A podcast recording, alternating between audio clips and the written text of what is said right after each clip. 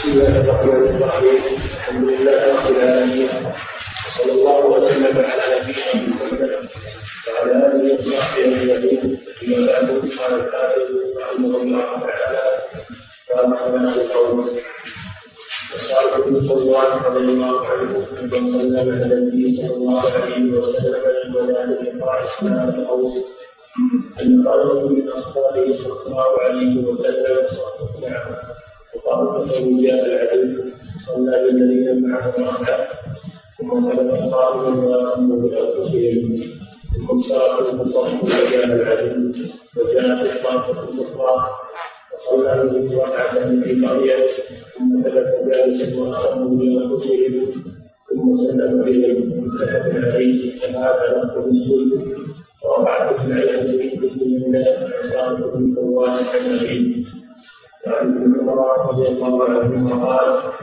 وجدت رسول الله صلى الله عليه وسلم قبل فولينا العدو صار اسلام فقام رسول الله صلى الله عليه وسلم فصلنا بنا فقام طائفة معه وأقبل طائفة على العدو ورفع معه وسجد سجدتين ثم صرف وكان طائفة الذين يصلي فجاء رفع بالركعة وسجد سجدتين ثم سلم فقال كل واحد منهم رفع لنفسه ركعه وسجد سجدتين متفق عليه في لفظ البخاري.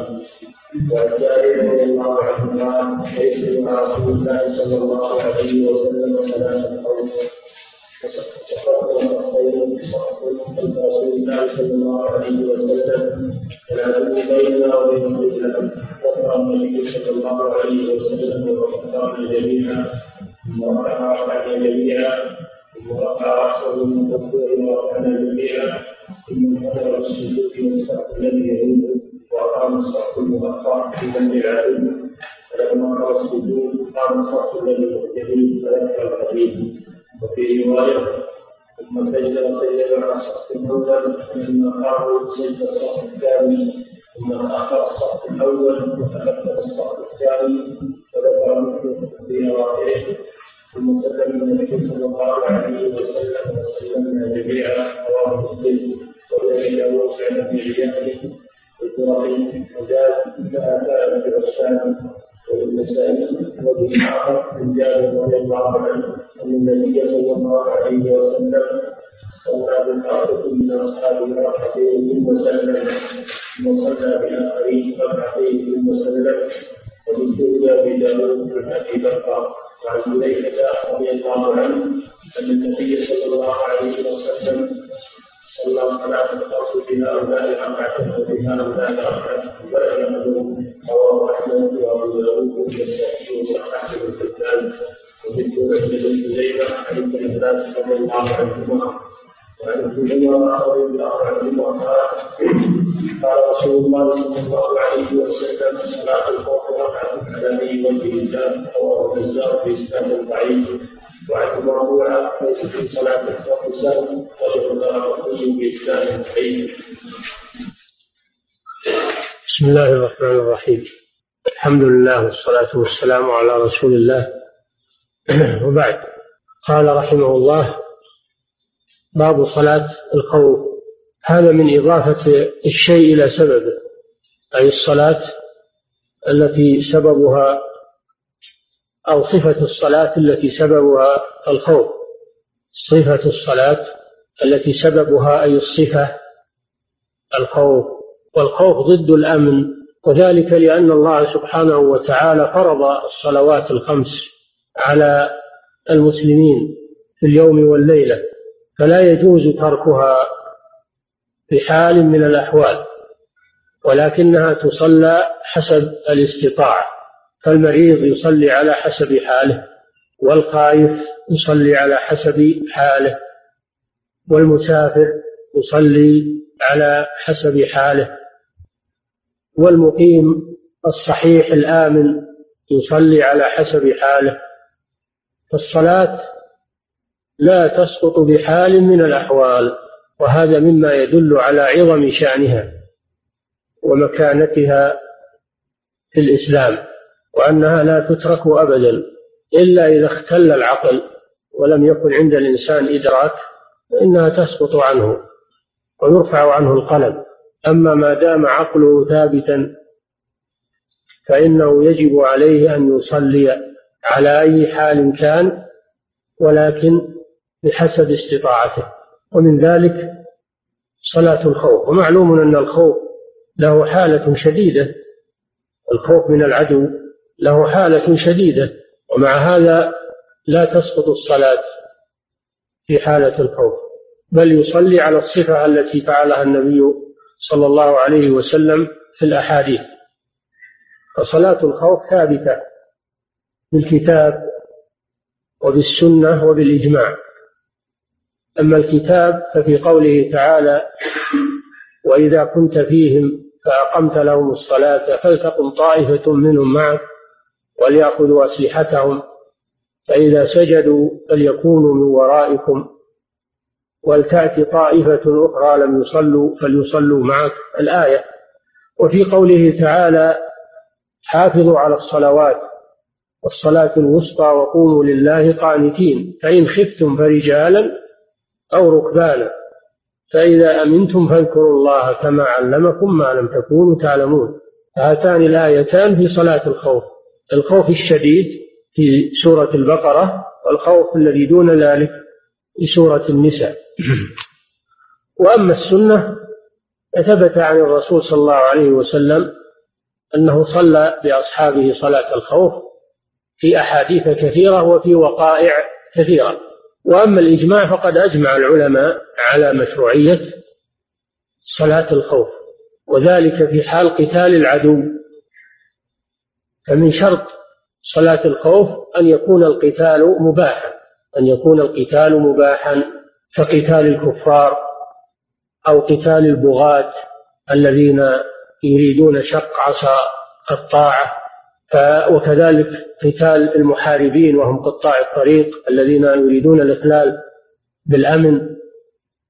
فهذا قتال مباح في هذه هذا قتال مشروع وواجب قتال واجب في هذه الأحوال.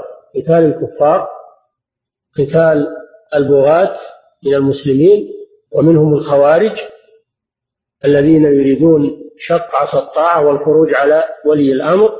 وإثارة الفتنة بين المسلمين وكذلك قطاع الطريق الذين يعترضون للناس في سبلهم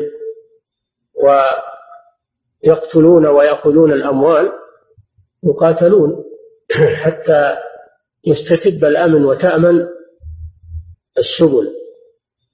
وتشرع صلاة الخوف في أنواع في هذه الأنواع. كلها. وصلاة الخوف ثبتت عن النبي صلى الله عليه وسلم بصفات متعددة في أحاديث كثيرة وروايات متعددة وذلك لاختلاف الأحوال.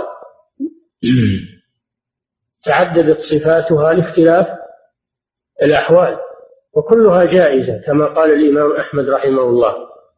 يقول ثبتت صلاة الخوف عن النبي صلى الله عليه وسلم بصفات خمس أو ست كلها جائزة.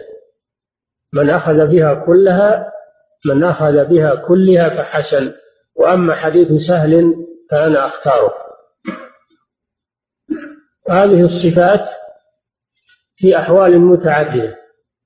لقد صلىها النبي صلى الله عليه وسلم في أربعة مواطن في أربع غزوات في ذات الرقاع وفي بطن نخل شرقي المدينة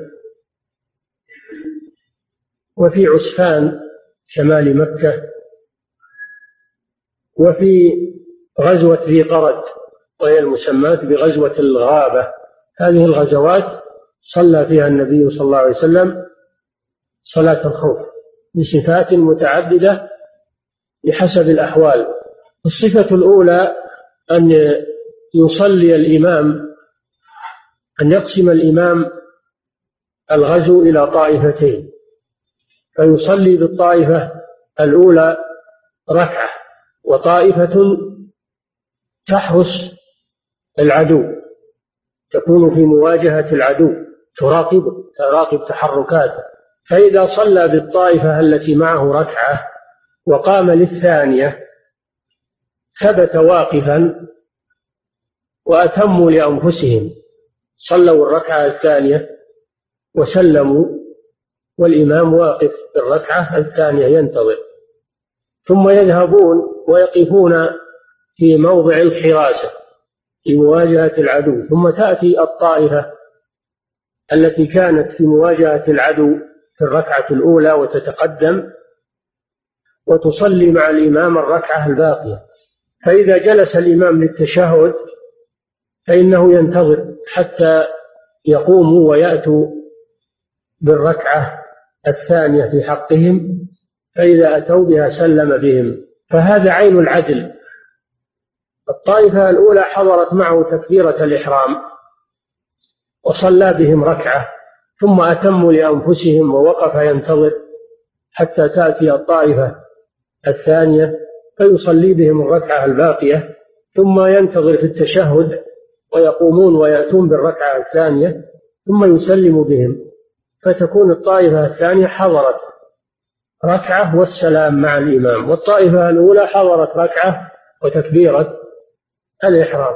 فحصل أداء الصلاة على أتم وجه وحصل العدل بين المصلين من الإمام وحصلت حراسة العدو. تمت المصالح في وهذه الصفة توافق الآية وإذا كنت فيهم فأقمت لهم الصلاة فلتقم طائفة منهم معك وليأخذوا أسلحتهم فإذا سجدوا فليكونوا من ورائكم لكن يتمون الركعة الثانية والإمام واقف. كما دلت عليه رواية حديث سهل بن أبي حاتم. ولتأتي طائفة أخرى لم يصلوا وهم الذين قاموا في الحراسة فليصلوا معك يعني الركعة الثانية. وليأخذوا حذرهم وأسلحتهم. وبينت رواية الحديث أنهم أتموا لأنفسهم ثم سلم بهم الإمام.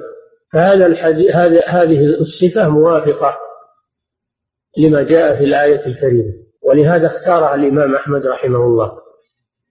الصفة الثانية أن يقسم الغزو إلى طائفتين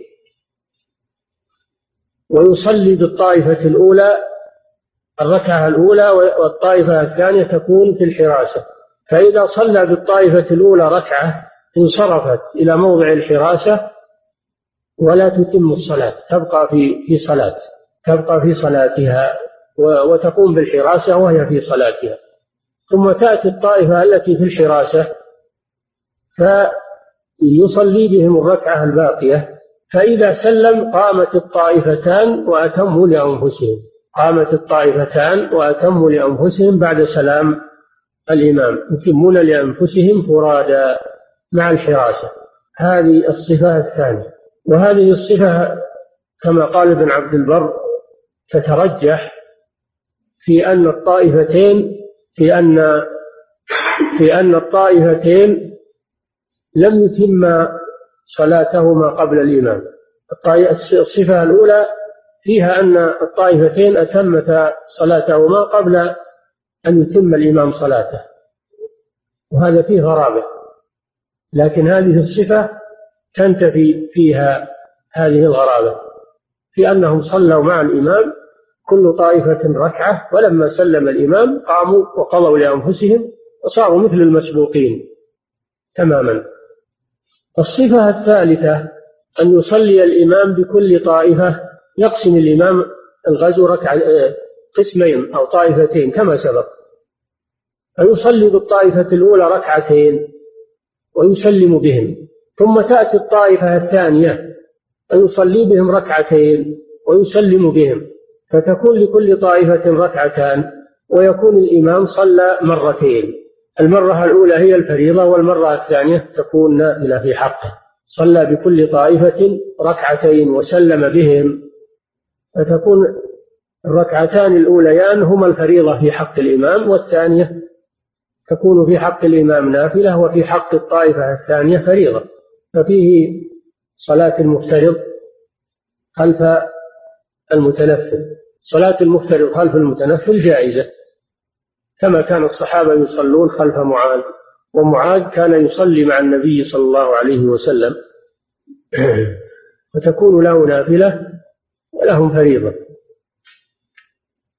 الصفة الرابعة أن يصلي بكل طائفة ركعة ويسلم فتكون في حقه ركعتان وفي حق المأمومين ركعة ركعة ففي هذا أن صلاة الخوف ركعة فقط.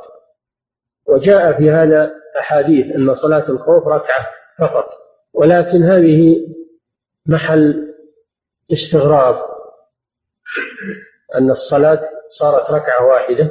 الصفة الخامسة هذه الصفات الأربع إذا كان العدو في غير جهة القبلة هذه الصفات الأربع. إذا كان العدو في غير جهة القبلة. الصفة الخامسة إذا كان العدو في جهة القبلة بينهم وبين القبلة.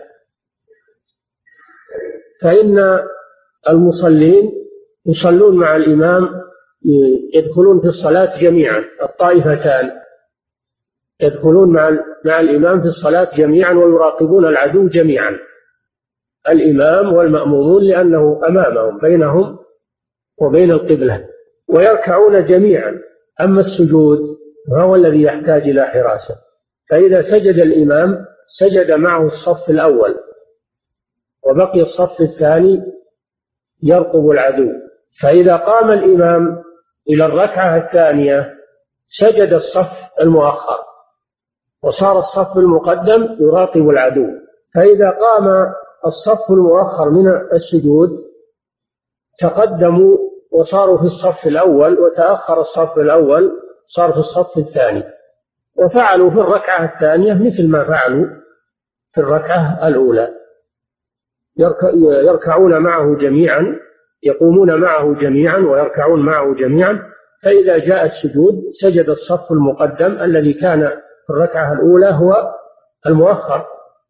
ووقف الصف المؤخر الذي كان في الركعة الأولى هو المقدم.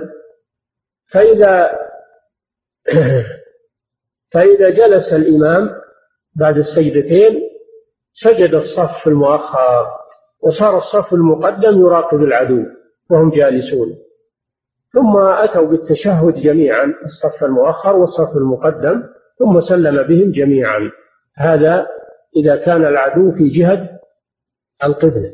أما الصفات الأربعة السابقة فهي ما إذا كان العدو في غير جهة القبلة. هذه صفات خمس ثبتت عن النبي صلى الله عليه وسلم. وهناك صفات أخر بنيت على تعدد الروايات بلغت إلى تقريب ستة عشر صفة تعدد الروايات لكن الصحيح إن هذا من اختلاف الرواة لا من اختلاف فعل النبي صلى الله عليه وسلم. فعل النبي صلى الله عليه وسلم هو بهذه الصفات المذكورة فقط. أما هذا الاختلاف الكثير فهذا إنما هو من اختلاف الرواة فلا يؤسس عليه صفات أخرى غير هذه الصفات الخمس. ولهذا يقول الإمام أحمد ثبتت صلاة الخوف عن النبي صلى الله عليه وسلم بخمس صفات أو بست صفات كلها جائزة. ومن ذهب إليها كلها فحسن. وأما حديث سهل الذي هو الحديث الأول فأنا أختاره لأنه يوافق الآية الكريمة. والآن نعيد قراءة الأحاديث واحدا واحدا حتى نطبقها على هذه الصفات. نعم.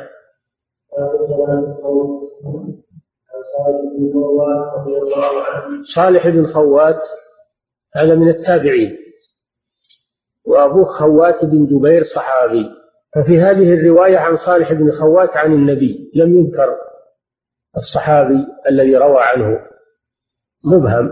لكن جاء في رواية ابن مندة التي بعده أنه رواه عن أبيه عن أبيه خوات بن جبير. فيكون الحديث موصولا. وفي رواية أخرى عن صالح بن خوات عن سهل بن أبي حثمة الأنصاري فتبين المبهم أنه إما أنه خوات بن جبير أو أنه سهل بن أبي حثمة فزال الإرسال. واتصل الحديث. نعم.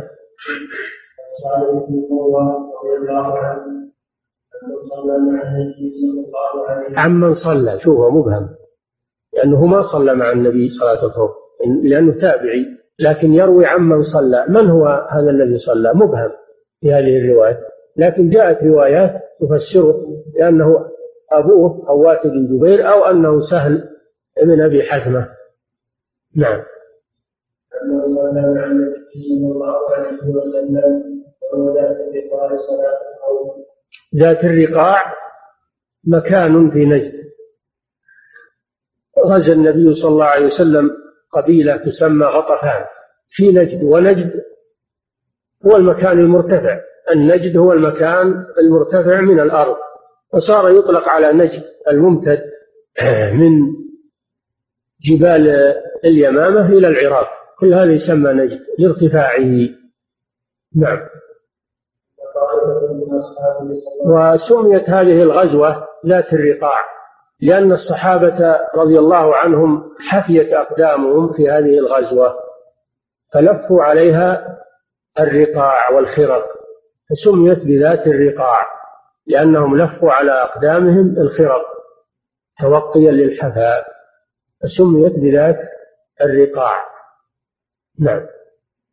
وقال من اصحابه صلى الله عليه وسلم صدق له فقال جاء عليه صلى بالذين له ركعه ثم جلس قائما واقلوا بانفسهم ثم صاروا فخرجوا جاء عليه وجاء بالطائفه الاخرى صلى بهم ركعه التي بقيت ثم جلس جالسا واقلوا بانفسهم ثم سلم بهم متفق عليه هذا الصفة الثانية. هذه الصفة الأولى أنه يصلي بالطائفة الأولى ركعة وطائفة وجاه العدو ما دخلت في الصلاة. فإذا صلى بالطائفة الأولى ركعة وقام للثانية ثبت قائما وأتموا لأنفسهم وسلموا ثم ذهبوا وتسلموا موضع الحراسة وقاموا وجاه العدو وهم قد فرغوا من الصلاة. ثم جاءت الطائفة التي كانت وجاه العدو فصفت مع الإمام الركعة الثانية لأنه واقف ينتظرهم.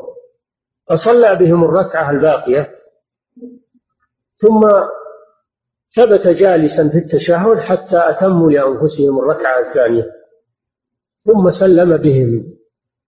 فتكون الطائفة الأولى حضرت معه تكبيرة الإحرام وركعة من الصلاة والطائفة الثانية حضرت معه ركعة من الصلاة والتسليم فهذا عدل بين أصحابه رضي الله عنهم. هذه صفة واضحة. وهذا ما إذا كان العدو في غير جهة القبلة. نعم. نعم. يعرف يعرف. هم يسمعهم يسمعهم إذا انتهى نعم. رضي الله عنهما قال مع رسول الله صلى الله عليه وسلم رجلين وأتينا العلم فصار قال رسول الله صلى الله عليه وسلم فصلى بنا فقال الطالب معه هذه الظاهر انها غزوة ذات نخل. اللي حضرها ابن عمر هي غزوة ذات نخل. يقولون وهي شرقي المدينة. نعم. قال رسول الله صلى الله عليه وسلم وقام معه على وسجد سجدتين ثم الطالب انصرفوا بدون أن يتموا الصلاة. انصرفوا وهم في صلاتهم. وتوجهوا للعدو يحرسونه وهم في الصلاة. واغتفر ذلك من أجل الخوف. اغتفر مشيهم. واغتفر أنهم توجهوا إلى غير القبلة من أجل الخوف والعذر. نعم.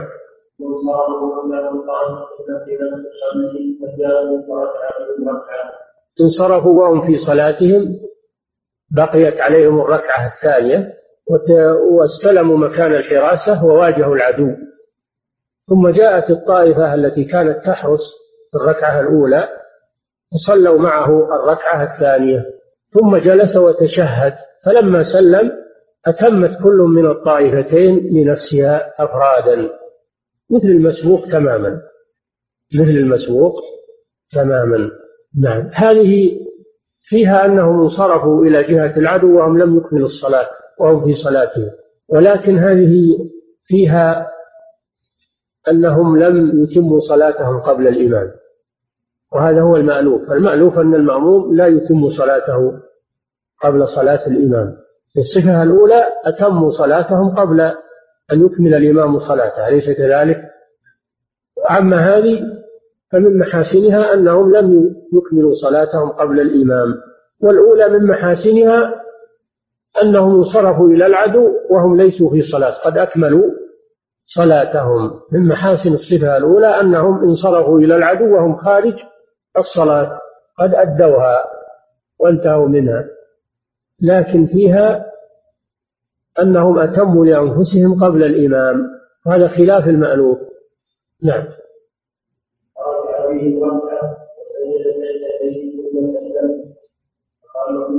كل منهم نعم قضوا لأنفسهم مع مع حراسة العدو ومراقبته. ما هم يقضون جميع ويسجدون جميع. لا. يتناوبون في هذا. نعم. نعم. ها يشترون ماذا يشترون الراجح كل واحد بمفرده. نعم. لو كتبت السؤال بورقه يكون أحسن. إي نعم فرادى يقضون فرادى. نعم. كحالة المسبوق حالة المسبوقين أليسوا يقضون فرادى نعم. هذا. هذا حديث صحيح متفق عليه متفق على معناه ولكن اللفظ هو لفظ البخاري. نعم. رضي الله عنه قال الله صلى الله عليه وسلم صلاة القوم صفدنا صفين هذا إذا إذا كان العدو في جهة القبلة. إذا كان العدو في جهة القبلة. نعم. أي نعم. الصفتان الأوليان فيما إذا كان العدو في غير جهة القبلة. وأما هذا الحديث فهو فيما إذا كان العدو في جهة القبلة. نعم. وقال النبي صلى الله عليه وسلم وصلنا جميعا. ثم رفع رفعنا جميعا. ثم رفع رأسه من الركوع ورفعنا جميعا. لأن العدو أمامهم وينظرون إليه وهو في وهم في الصلاة يراقبونه وهم في الصلاة. فيقومون جميعا مع الإمام ويركعون جميعا مع الإمام. لكن الانقسام إنما يأتي حالة السجود فقط. نعم. ثم الصف الذي يليه الصف المقدم سجد معه وبقي الصف المؤخر لم يسجد يراقب العدو. نعم. وقال الصف المؤخر في نفس العدو. فلما قال السجود قام الصف الذي يليه وذكر لما قام من السجود انحدر الصف المؤخر وسجدوا. ثم لما انهوا سجودهم تبادلوا الموقف. تأخر الصف الأول وصار محل الحراسه وتقدم الصف المؤخر وصار وراء الإمام. وفعلوا في الركعة الثانية مثل ما فعلوا في الركعة الأولى تماما. نعم. وسلم بهم جميعا. نعم. وفي رواية وسجد وسجد مع الصف الأول. فلما قاموا سجد الصف الثاني هذه تفصل تفصل الرواية التي قبلها. نعم. وذكر مثله في مواضيع وسلم النبي صلى الله عليه وسلم وسلمنا جميعا أنهوا الصلاة جميعا. هذه الصفة إنما حصلت الحراسة فيها والانقسام في السجود فقط. أما بقية الصلاة فهم أدوها جميعا كالمعتاد. نعم. ومن أبي داود عن أبي عياش بن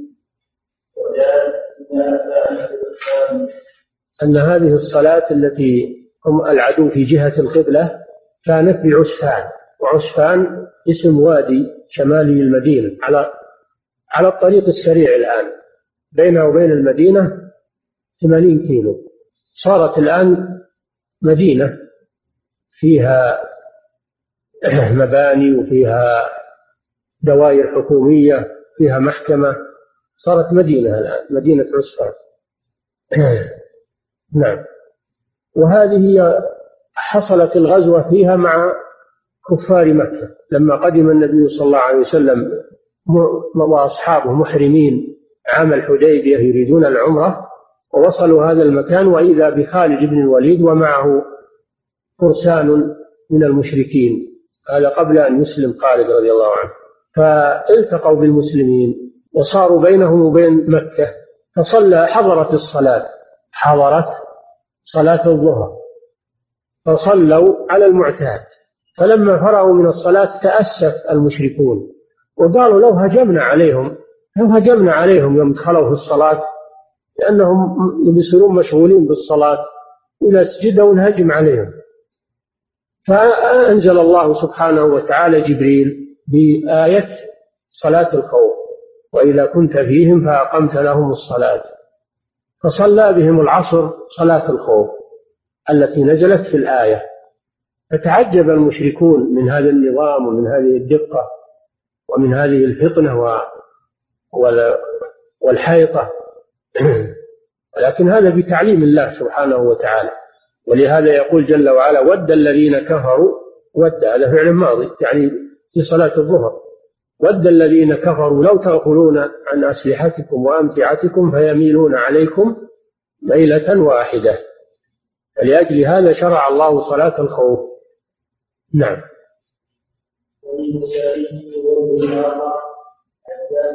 الله عنه أن النبي صلى الله عليه وسلم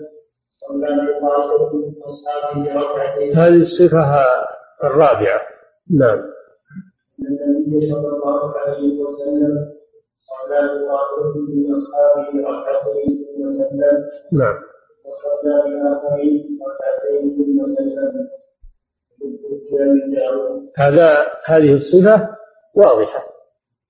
أنه قسمهم قسمين. قسم بقي في الحراسة وقسم معه صلى بهم ركعتين. فلما سلم بالطائفة الأولى وفرغوا من صلاتهم ذهبوا مكان الحراسة وجاءت الطائفة التي لم تصلي فصلى بهم ركعتين وسلم بهم. فيكون النبي صلى الله عليه وسلم صلاها مرتين. صلاها مرتين. تكون الأولى هي الفريضة في حقه والثانية تكون في حقه نافلة. ففيه صحة صلاة المفترض خلف المتنفل. نعم.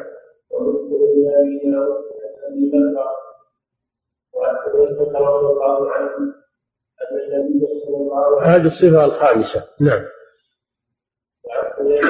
الله عنه النبي صلى الله عليه وسلم صلاة القوم في هؤلاء ركعة وفي هؤلاء ركعة ولم فتكون في حقه صلى الله عليه وسلم ركعتين وفي حق أصحابه ركعة ركعة.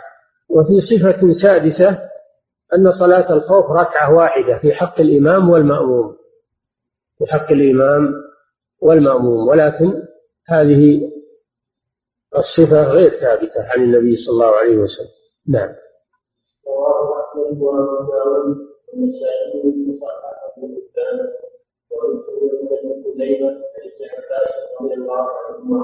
نعم. الله قال رسول الله صلى الله عليه وسلم على ووصف ضعيف هذا كله في الصفة الخامسة وهي أن صلاة الخوف ركعة. نعم. صلاة الخوف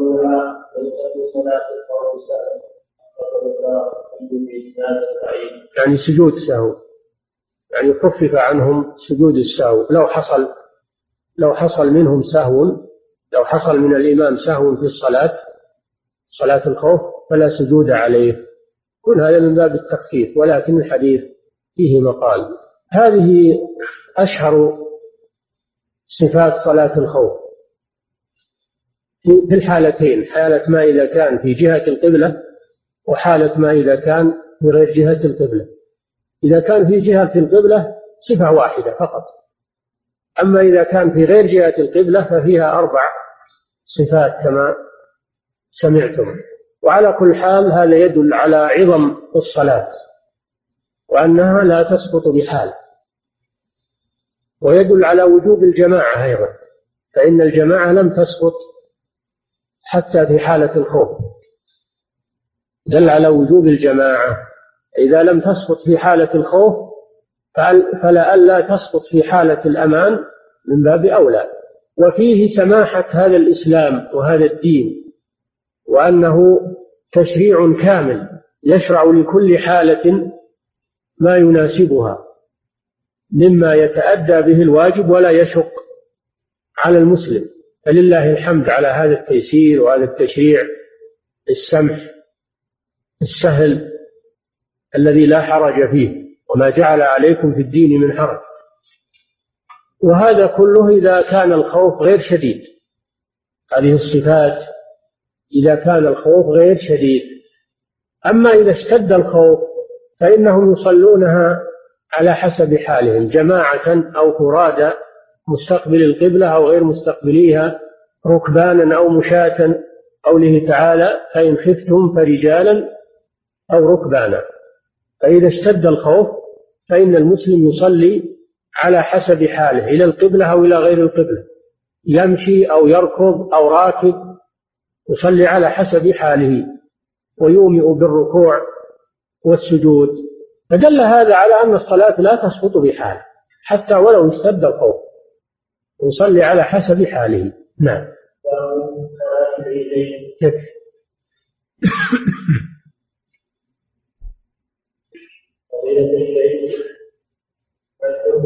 إذا صلى بنية المغرب أنه ركعة ما الحكم؟ إذا صلى مع جماعة بنية المغرب أنه ركعة النبي صلى الله عليه وسلم يقول إنما الأعمال بالنيات وإنما لكل امرئ ما نوى. فإذا كان دخل معهم بنية المغرب وهم يصلون العشاء فعموم الحديث يدل على الجواز. يدل على الجواز له ما نوى. فيصلي معهم صلاة المغرب بنية المغرب وهم يصلون العشاء. هذا ظاهر الحديث. نعم. نعم. اكتب السؤال أحسن. اكتب السؤال ورجع أعطني نعم.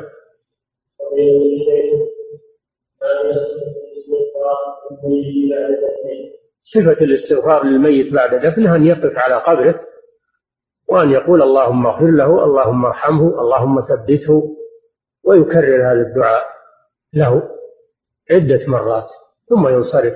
هذه صفة الاستغفار. أما الاستغفار الجماعي أو الدعاء الجماعي هذا بدعة. لكن كل واحد من المسلمين يقف على قبر أخيه ويدعو له منفردا ثم ينصرف. يدعو له ب... يقول النبي صلى الله عليه وسلم استغفروا لأخيكم واسألوا له التثبيت. فيقول اللهم اغفر له اللهم ثبته. ويكرر هذا عدة مرات ثم ينصرف. نعم. تكون الصلاة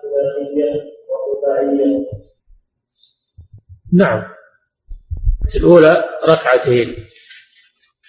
على الصفة التي مرت. إما أن يسلموا وإما أن يذهبوا للحراسة وهم في بقية صلاته إذا صلوا ركعتين. ثم يصلي بالطائفة الثانية الركعتين الباقيتين من الرباعية أو الركعة الباقية من الثلاثية. ويتمون لأنفسهم. إذا سلم يتمون لأنفسهم. لا فرق بين الثنائية والرباعية والثلاث. نعم.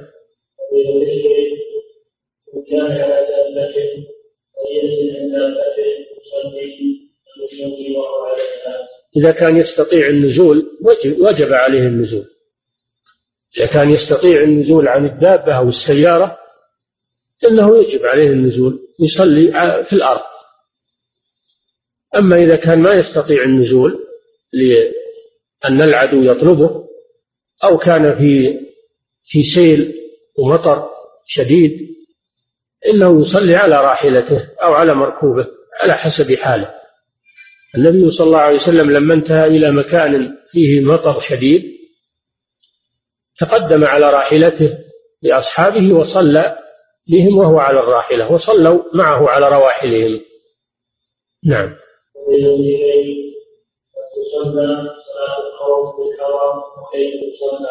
نعم تصلى في الحضر.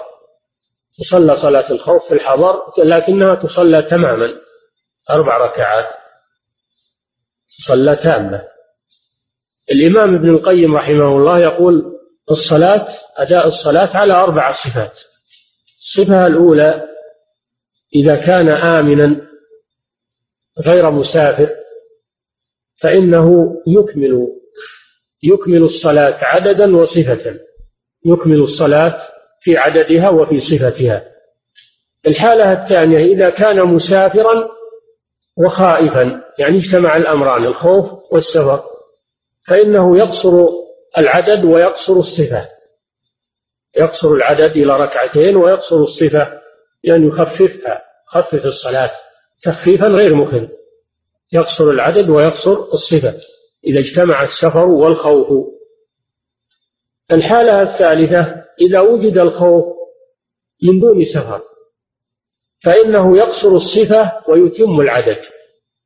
يقصر الصفة فقط ويتم العدد. يصلي أربع ركعات لكن يقصر الصفة بمعنى أنه يخففها نظرا لحالة الخوف. الحالة الرابعة إذا إذا وجد إذا وجد الحضر وإذا الحالة الأولى قلنا إذا اجتمع الأمن والحضر فإنه يتم الصفة والعدد. يتم الصفة والعدد. الحالة الثانية إذا اجتمع السفر والخوف فإنه يقصر الصفة ويقصر العدد. الحالة الثالثة إذا وجد الخوف ولكن بدون سفر فإنه يقصر الصفة دون دون العدد. يقصر الصفة دون العدد. ثلاث حالات نعم. ثلاث حالات. الحالة الرابعة إذا إذا وجد السفر بدون خوف فإنه يقصر العدد بدون قصر الصفة. نعم الحالة الرابعة أربع حالات. أربع حالات. إذا اجتمع الخوف والسفر يقصر العدد والصفة. إذا وجد السفر بدون خوف يقصر العدد دون الصفة. إذا وجد الخوف بدون سفر يقصر الصفة بدون قصر العدد. إذا وجد الأمن والحضر فإنه يتم العدد ويتم الصفة. هذه أربع صفات. نعم. هل يسقط نعم.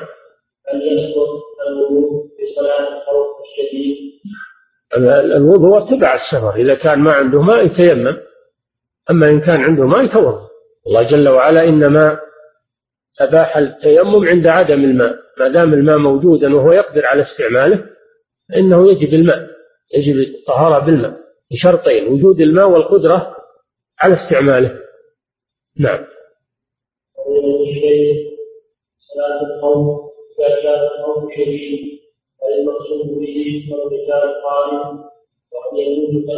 إذا إذا كان القتال قائم هذه حالة الخوف الشديد. حالة الخوف الشديد. مثل مثل مثل قوله تعالى فإن خفتم فرجالا أو ركبا. يصلي وهو يقاتل. وهو راكب على على الفرس أو على أو على الدبابة أو على الطائرة.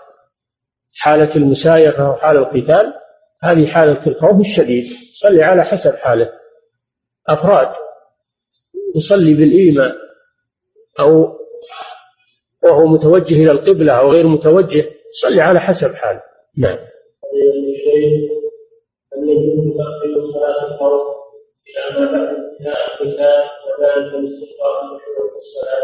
لو كانت تؤخر لأخرها النبي صلى الله عليه وسلم. ويصليها على حسب حاله ولا يؤخرها نعم وبين الشيخين الرجاء العلم وهو الركعة الأولى من صلاة القوم لو إيه؟ الرجاء العلم الأولى من صلاة القوم وقال الثانية أن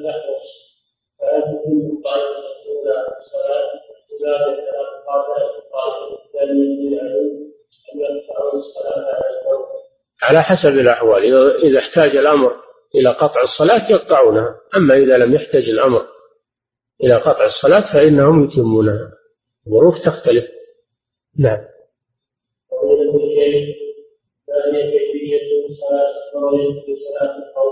وضحناها لكم. قلنا يصلي بالطائفة الأولى الركعتين الأوليين. يصلي بالطائفة آه، الركعة الباقية ويتمون لأنفسهم. إذا سلم يقومون يجيبون ركعتين. لأن صلاة المغرب لا تقصر. يصلى تامة ثلاث ركعات. يصلي بالأولى ركعتين يصلي بالطائفة الثانية ركعة. فإذا سلم قاموا جابوا ركعتين. نعم. يعني يصلي بالأولى ركعتين ويتمون لأنفسهم ركعة. ثم يصلي بالطائفة الركعة الثانية. فإذا سلم قاموا جابوا ركعتين. نعم.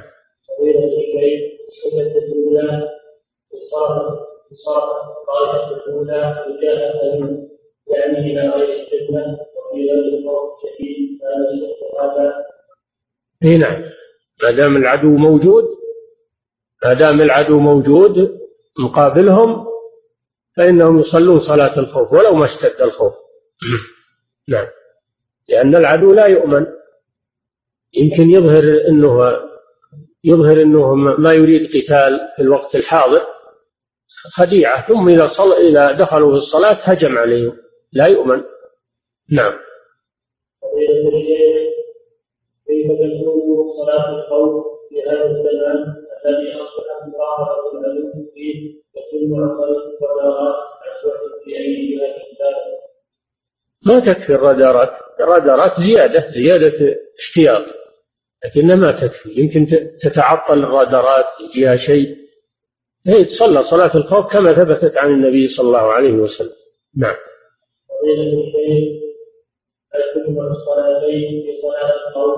ما ما ورد هذا في صفة صلاة الخوف عن النبي صلى الله عليه وسلم. والمسافر إذا كان نازلا فإنه لا يجمع. يقصر بدون جمع. والنبي صلى الله عليه وسلم فعل هذه الصلاة وهو نازل. إنما يشرع الجمع لمن جد به السير من كان يسير في الطريق. هذا اللي يجمع. أما إذا نزل بيوم أو بعض يوم فإنه يصلي كل صلاة في وقتها قصرا بلا جمع. نعم.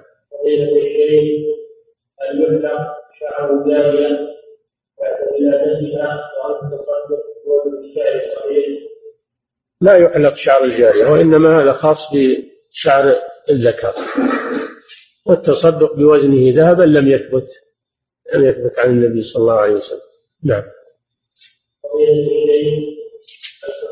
اليمين من على وإذا كان على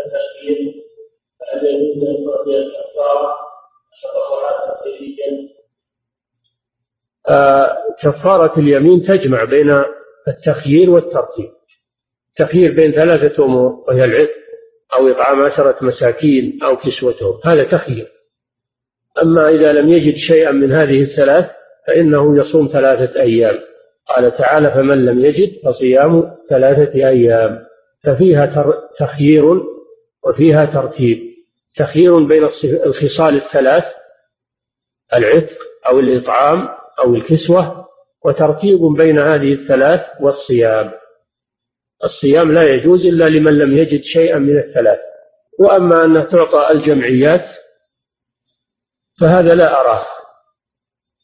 الذي يجب أنه نفسه يخرج الكفارة ويسلمها لأهلها أو يوكل واحد يثق منه يخرجها عنه.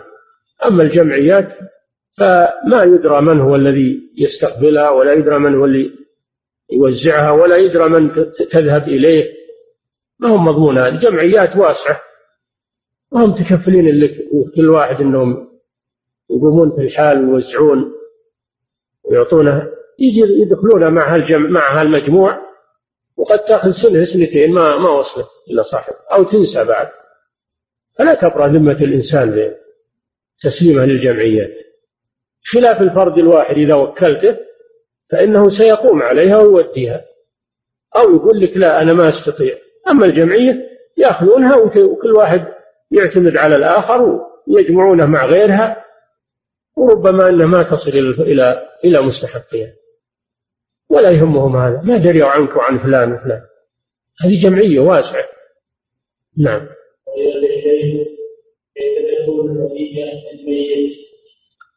هدية للميت بالأعمال الصالحة التي وردت في الأدلة دعاء له استغفار له العمرة الحج عنه والعمرة عنه الصدقة عنه هذا الذي يهدى للميت هذا ورد في الأدلة يهدى ثوابها للميت الصدقة الدعاء والاستغفار الحج أو العمرة.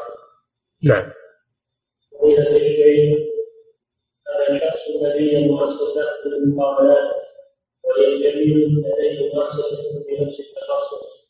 قال زميلي بأمري مقاولات وذلك ببناء فرع بناء بيت مدينة الرياض. نعم.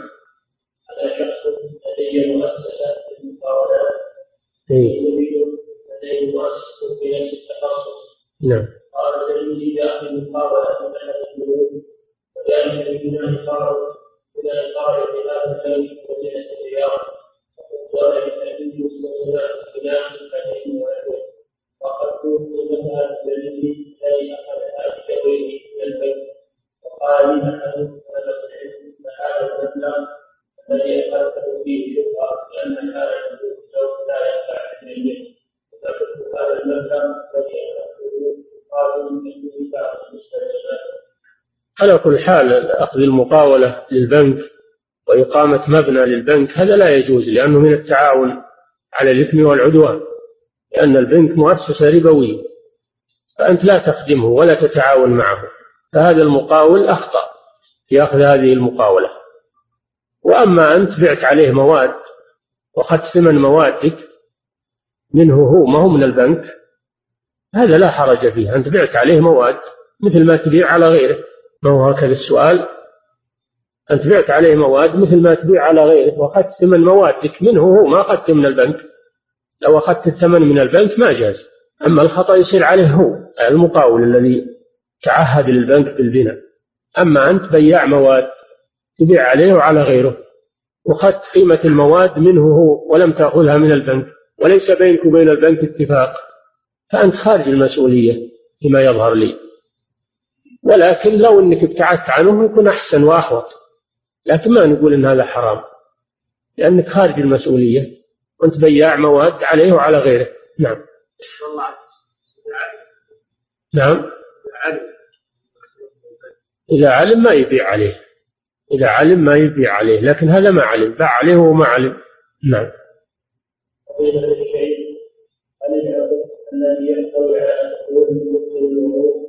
لا يبطل الوضوء لكن إذا كان فيه كحول ينجس ينجس الثوب أو البدن. فعليك غسل هذا الطيب من ثوبك أو من بدنك.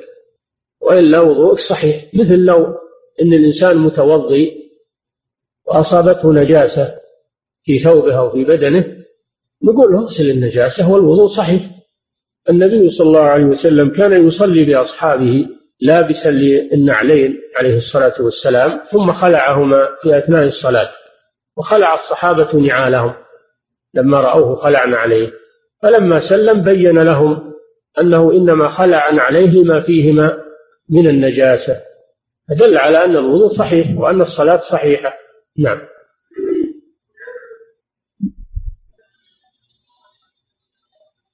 نعم.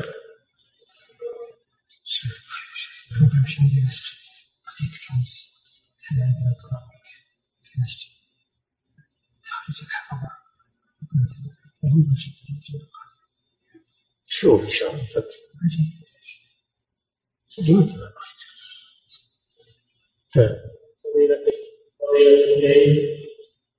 جمع رجل النبي السن ما الكرامة أثناء كلامه وليس له عالم إذا كان أنه متأكد أن هذا المال الذي جمعه من حرام فهو يجب عليه أن يتخلص منه بأن يضع في مشروع من المشاريع التي تنفع الناس تخلصا منه لا من باب الصدقة ولكن من باب التخلص منه ولا يجوز له استعماله إلا إذا اضطر إلى هذا إذا اضطر إلى هذا ما في أحد ينفق عليه. ولا هناك موارد له تغنيه عن هذا الشيء. آه يجوز أن يستعمله من باب الضرورة. من باب الضرورة. قال الله تعالى إلا ما اضطررتم إليه. أما إذا كان له مخرج واستغنى عن هذا المال فإنه يجب عليه أن يتخلص منه. نعم. مع التوبة إلى الله سبحانه وتعالى. نعم.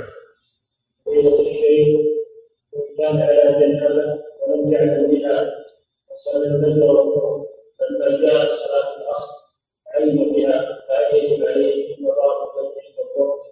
نعم. إذا كان صلى الفجر والظهر وهو لم يغتسل ناسيا للجنابة فعليه أن يغتسل إذا تذكر ويعيد الصلوات التي صلاها لأنه لا تصح منه الصلاة وعليه الجنابة. والنسيان لا يسقط عنه الاغتسال. النسيان لا يسقط الواجب وإنما يسقط الإثم فقط. يسقط الإثم. أما الواجب فلا يسقط بالنسيان. نعم.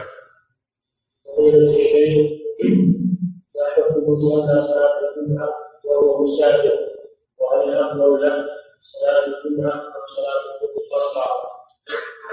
الأفضل يصلي مع مع المسلمين. يصلي صلاة الجمعة مع المسلمين. هذا هو الأفضل. ليحصل على الأجر ولا تجب عليه ما دام أنه مسافر ما تجب عليه لكن الأفضل أنه يصليها مع المسلمين ليحصل على الأجر. ولو صلى الظهر قصرا جاز له ذلك لكن يكون تاركا لما هو أفضل وأحسن. نعم. المسجد في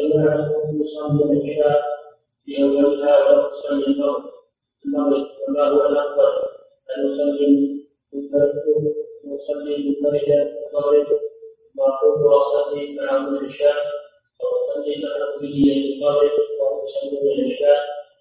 أفعل؟ يجوز الأمران. يجوز أنك تصلي المغرب أولا ثم تدخل معهم فيما بقي من صلاة العشاء. وهذا أحسن.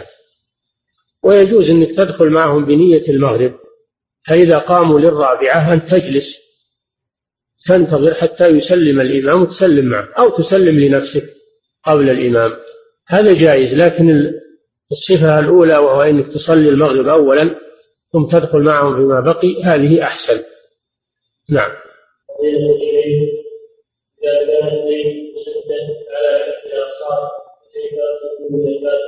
نعم.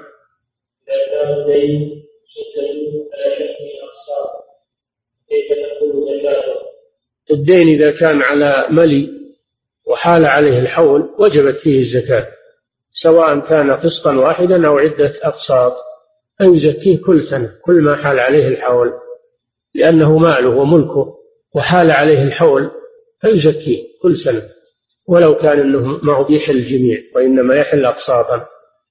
نعم. ما حكم قول شيخ الإسلام رحمه الله؟ يصوم هذا كلام فارغ هذا. ما نحد معصوم إلا الرسول صلى الله عليه وسلم. ما هناك أحد من الخلق معصوم من الخطأ إلا رسول الله صلى الله عليه وسلم. هذه مبالغة وغلو لا تجوز لا في حق شيخ الإسلام ولا في غيره. شيخ الإسلام ما يرضى بهذا رحمه الله. نعم.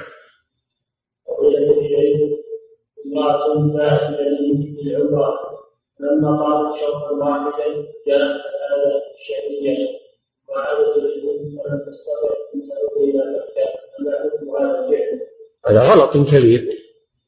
من أحرم بالعمرة أو بالحج وجب عليه إتمامهما.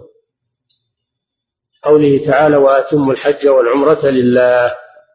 هذه المرأة إذا جاءها الحيض وهي في أول شوط تخرج. وتنتظر حتى يذهب عنها الحيض وينتهي العادة وتغتسل ثم تؤدي العمرة ثم تؤدي العمرة. أما إنها سافرت وتركت العمرة يجب عليها الرجوع. يجب عليها الرجوع والعمرة باقية عليها والإحرام باق عليها حتى ترجع وتؤدي العمرة التي تركتها. أما إذا لم تستطع الله جل وعلا لا يكلف نفسا إلا وسعها. أما إن كانت تستطيع فعليها الرجوع. والإتيان بالعمرة التي أحرمت بها. أما إذا إذا وصلت حالتها إلى أنها لا تستطيع الرجوع فإنها تكون معفوا عنها. قوله تعالى لا يكلف الله نفسا إلا وسعها. نعم. ختان البنت أولى أم ختان البنت مستحب. أولى. أولى من تركه فهو مستحب. أما ختان الذكر فهو واجب لا بد منه. نعم. يكون اليمين وأيضا الكسوة إطعام كفارة اليمين إطعام عشرة مساكين. لكل مسكين كيلو ونصف من الطعام. يعني خمسة عشر كيلو من الطعام على عشرة مساكين. وأما الكسوة فلكل مسكين ثوب لكل مسكين ثوب إن كان ممن يلبسون الثياب. وإن كان ممن يلبسون الستر والبنطلون في بعض البلاد فيعطيه سترة وبنطلون على عادة البلد. نعم. وإن كان أنه يلبس إزار ورداء في بعض البلاد يعطيه إزار ورداء على حسب عادة البلد. الذين يلبسون الثياب يعطيهم ثياب. الذين يلبسون الستر والبنطلون يعطيهم ستر وبنطلون. اللي يلبسون الإزار والرداء يعطيهم إزار ورداء. نعم. نعم. إذا أعطاه قماش يكفي قميص ثوب يكفي لكن يكلفه بخياطته. يكلفه بخياطته. فإذا دفع له قيمة الخياطة طيب. نعم. الصدقة عن الوالدين عندما قولي اللهم إن هذا أن تسكت تسكت لأن الله جل وعلا يعلم النية بدون أنك تتلفظ. فتخرج الصدقة عن والديك وعن غيرهم بالنية فقط ولا تقول هذا عن والدي إنما ورد هذا في الأضحية إذا أراد يضحي عن والديه أو عن أموات أو عن أحياء فإنه يقول اللهم هذا منك ولك عن فلان بن فلان. هذا ورد في الأضحية خاص نعم.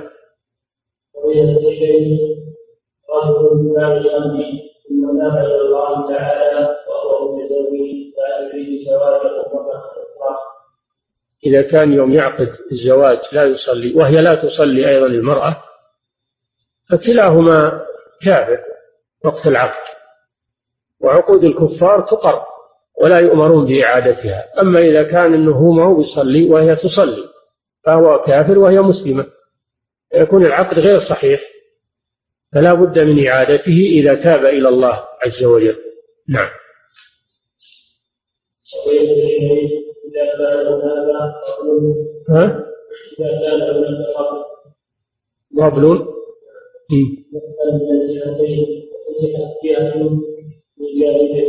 من جهاته يتغير في حقه مع ان الاسم الخاص به لم يتغير بعد تغير الاسم. يتغير الاسم. ولا يسمى طبلا إذا كان أنه مختوم من إذا كان أنه مفتوح من جهة ما تغير اسمه ولا يسمى طبلا نعم. السؤال الذي أجاب فضيلتكم عنه وهو متعلق بشخص صاحب مقاولة البيت الشخص لا لا يعرف أن المواد البيت ولم يكن أصل فيه غير هذه المواد فإنه أخذ مقابلة رابطا فيها المبلغ هذا المبلغ الذي ربح من هو؟ المقاول ولا البائع؟ بائع المواد؟ على كل حال هو باع مواد وأخذ ثمنها. باع المواد وأخذ ثمنها من المقاول ولم يأخذها من البنك. فلا نقول إن هذا حرام. إن كان في في نفسه شيء أو تردد من هذا المبلغ يتصدق به. إن كان في نفسه تردد أو كاره لهذا المبلغ النبي صلى الله عليه وسلم يقول دع ما يريبك إلى ما لا يريبك. ويقول البر ما اطمأنت إليه النفس. هو الإثم ما تردد في الصدر كرهت أن يطلع عليه الناس. فإن كان في صدره حرج تردد يتصدق به. و يعمل بقول الرسول صلى الله عليه وسلم دع ما يريبك إلى ما لا يريبك. نعم. أما أن نقول إنه حرام إنما نجزم إنه حرام. نعم.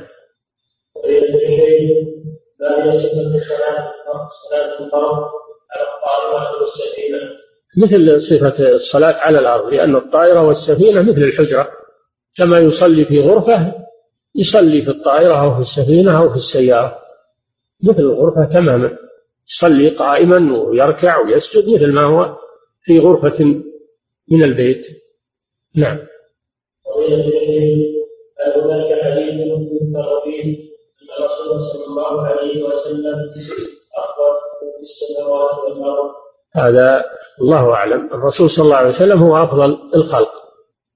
وهو سيد ولد آدم عليه الصلاة والسلام. أما أن نقول أفضل من في السماوات والأرض أفضل من جبريل والله أعلم. لا ندري. نحن منهيين عن الاطراء والمبالغة في حقه صلى الله عليه وسلم. نعم. المؤمن أفضل من الملائكة خلاف. هذا فيه خلاف بين العلماء؟ هل الملائكة أفضل من المؤمنين من بني آدم أو المؤمنون من بني آدم أفضل من الملائكة؟ خلاف بين العلماء. والصواب السكوت عن هذا وعدم الخوض فيه. وليس لنا منه مصلحة. نعم. رجل توفي وقال بعض الورثة يقال الشرع باسم أبيهم المتوفي. في التقديم أنه المتوفى ما يقال المتوفي. المتوفى نعم.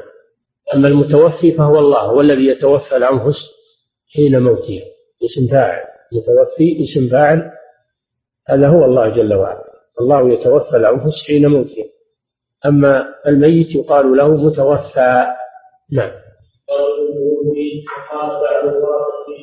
في الشرع نعم. ووقع التقديم